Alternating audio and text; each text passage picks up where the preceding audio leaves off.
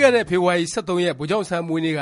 နေပြည်တော်မှာ အစိုးရနဲ့ တိုင်းရင်းသား အဖွဲ့နှစ်ဖွဲ့ တစ်တိုင်းပြည်လုံးဆိုင်ရာ အပစ်ရပ်စာချုပ် NCA လက်မှတ်ရေးထိုးပွဲ ကြီးကြီးကျယ်ကျယ် ခမ်းခမ်းနားနား ကျင်းပခဲ့ပါတယ်။အစိုးရသစ် တက်လာတဲ့ ၂၀၁၆ ခုနှစ် ဧပြီလကစ ဒေါ်အောင်ဆန်းစုကြည် ကိုယ်တိုင် ဦးဆောင် အကောင်အထည် ဖော်နေတဲ့ ငြိမ်းချမ်းရေး လုပ်ငန်းစဉ် တိုးတက်မှု မရှိဘူး၊တိုးတက်မှု နှေးကွေးနေတယ် ဆိုတဲ့ ဝေဖန်မှုတွေ ရှိနေချိန် ခုလို မွန်ပြည်သစ်ပါတီနဲ့ လားဟူ အဖွဲ့နှစ်ဖွဲ့ NCA လက်မှတ်ရေးထိုးလိုက်မှုဟာ အစိုးရသစ်ရဲ့ ငြိမ်းချမ်းရေး လုပ်ငန်းစဉ်မှာ တိုးတက်မှုတွေ ရှိနေပါတယ် ဆိုပြီး ပြသစရာ နမူနာ တစ်ခု ဖြစ်စေခဲ့ပါတယ်။ဒါပေမယ့် ဒါဟာ ငြိမ်းချမ်းရေး လုပ်ငန်းစဉ်မှာ တကယ်ပဲ ထင်ရှားတဲ့ တိုးတက်ဖြစ်ထွန်းမှု ဟုတ်ပါရဲ့လား၊ရှေ့အလားအလာ ဘာတွေ ဖြစ်နိုင်မလဲ ဆိုတာ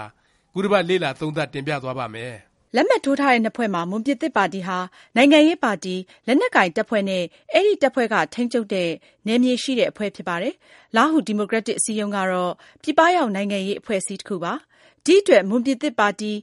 NCA လက်မှတ်ထိုးတာဟာ အရေးကြီးပြီး ဘာကြောင့် လက်မှတ်ထိုးရသလဲဆိုတာ အရင် ဆန်းစစ်ကြည့်ဖို့ လိုပါတယ်။ မွန်ပြည်သစ်ပါတီဟာ အရင်သမ္မတ ဦးသိန်းစိန်အစိုးရလက်ထက်ကတည်းက အစိုးရနဲ့ အပစ်အခတ်ရပ်စဲရေး သဘောတူထားတဲ့ အဖွဲ့အစည်းဖြစ်ပြီး NCA စာချုပ်ကို ညှိနှိုင်းပြုစုကြရာမှာ အခြားသော လက်နက်ကိုင်အဖွဲ့အစည်းတွေနဲ့အတူ ပါဝင်ခဲ့တဲ့ အဖွဲ့ဖြစ်ပါတယ်။၂၀၁၅ ခုနှစ် NCA လက်မှတ်ထိုးကြတော့ အားလုံးပါဝင်နိုင်ခြင်း မရှိလို့ဆိုတဲ့ အကြောင်းပြချက်အောက်မှာ KIA ကချင်လက်နက်ကိုင်အဖွဲ့၊ SSPP ရှမ်းလက်နက်ကိုင်အဖွဲ့တွေနည်းတူ လက်မှတ်ရေးထိုးရာမှာ မပါဝင်ပဲချန်နေရစ်ခဲ့တဲ့ အဖွဲ့ပါ။ နောက်ပိုင်း ညီညွတ်သော တိုင်းရင်းသားလူမျိုးများ ဖက်ဒရယ်ကောင်စီ UNFC အဖွဲ့ဝင်အဖြစ် အစိုးရနဲ့ NCA လက်မှတ်ထိုးနိုင်ရေး ဆက်ပြီး ညှိနှိုင်းရာမှာ ပါဝင်ခဲ့ပါတယ်။အဲဒီအချိန်က NCA မှာ ပါဝင်လက်မှတ်ထိုးနိုင်ရေး UNFC ဘက်က အချက် ချက် တင်ပြတောင်းဆိုခဲ့ပါတယ်။အဲဒီတောင်းဆိုချက်အပေါ် မူတည်ပြီး အစိုးရနဲ့ UNFC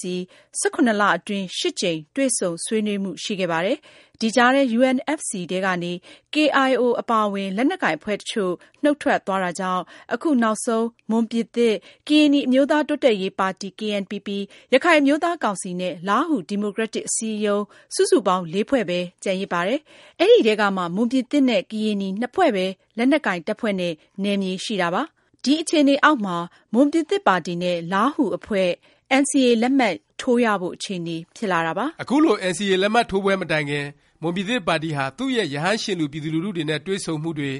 သဘောထား တောင်းခံတာတွေ လုပ်ပါတယ်။မွန်ပြည်သူလူထုရဲ့ သဘောထားကတော့ NCA စာချုပ်ကို လက်မှတ်ထိုးပြီး အစိုးရနဲ့ ငြိမ်းချမ်းရေး လုပ်ဖို့ပါပဲ။အကြောင်းကတော့ မြန်မာနိုင်ငံတောင်ပိုင်း ကရင်ပြည်နယ်၊မွန်ပြည်နယ်၊တနင်္သာရီတိုင်းမှာ လက်နက်ကိုင် အဖွဲ့ တော်တော်များများ ရှိပေမယ့်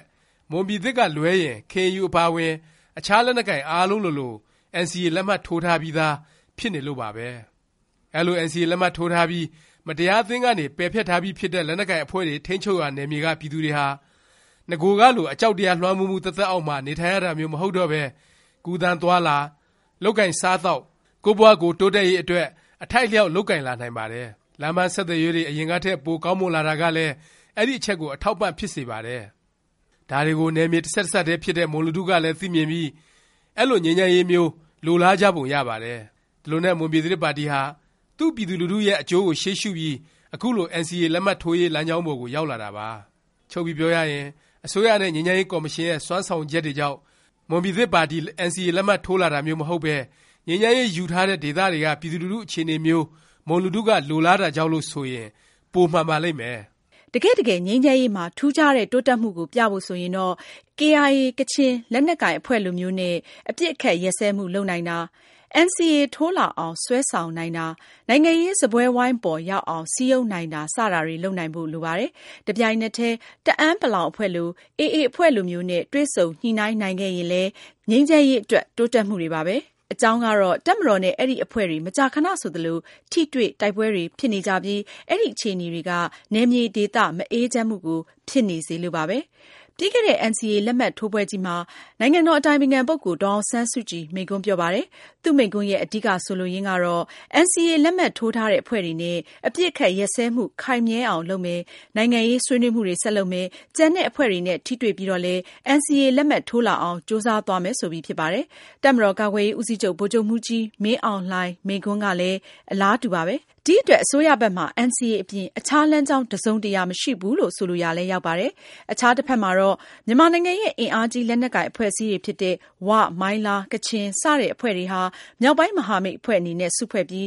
သူတို့တွေကို တပ်ပေါင်းစုအနေနဲ့ တွေ့ဆုံခွင့်ပေးဖို့၊ NCA မဟုတ်တဲ့ အခြားလမ်းကြောင်းတစ်ခုခုနဲ့ ညှိနှိုင်းဖို့ တောင်းဆိုထားပါတယ်။အခုလက်ရှိ အစိုးရဘက်ကတော့ အဲဒီအဖွဲ့တွေ စုပေါင်းထားတဲ့ မဟာမိတ်အဖွဲ့ကို လက်ခံတွေ့ဆုံဖို့ အစီအစဉ် မရှိသေးသလို၊ NCA မဟုတ်တဲ့ အခြားနည်းလမ်းတစ်ခုခု ရှာဖွေဆွေးနွေးဖို့လည်း လက်ခံပုံမရပါဘူး။ဒီအတွက် ငြိမ်းချမ်းရေးလုပ်ငန်းစဉ်တွေ ဆက်ပြီး ခက်ခဲနေဦးမယ့် အနေအထား တွေ့မြင်နေရပါတယ်။မြန်မာ့ငြိမ်းချမ်းရေးအတွက် အဖြစ်နိုင်ဆုံးနည်းလမ်းကတော့ မြန်မာနိုင်ငံမြောက်ပိုင်းက လက်နက်ကိုင် အဖွဲ့အစည်းတွေ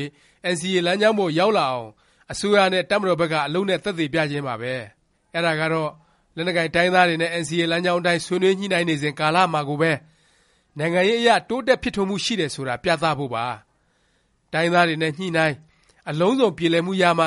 ဖက်ဒရယ် ဒီမိုကရေစီ ပြည်ထောင်စုကို စပြီး တည်ဆောက်ကြမယ် ဆိုတာမျိုးထက် ခုချိန်ကစပြီး အကောင်အထည် ဖော်သွားကြဖို့ပါ။အဲဒီထဲမှာ ဖွဲ့စည်းပုံ အခြေခံ ဥပဒေ ပြင်ဆင်ရေး၊တပ်မတော် အနေနဲ့ နိုင်ငံရေးနယ်ပယ်ထဲ အများကြီး ဝင်ရောက်နေရာကနေ နောက်ဆုတ်ပေးရေး စတာတွေလည်း ပါဝင်ပါတယ်။ဒါတွေကို လက်တွေ့ လုပ်ကိုင်ပြသနိုင်ခြင်း မရှိခဲ့ရင် ငြိမ်းချမ်းရေး ရဖို့ ဆိုတာလည်း လွယ်ကူမှာ မဟုတ်ပါကြောင်း သုံးသပ်တင်ပြလိုက်ရပါတယ်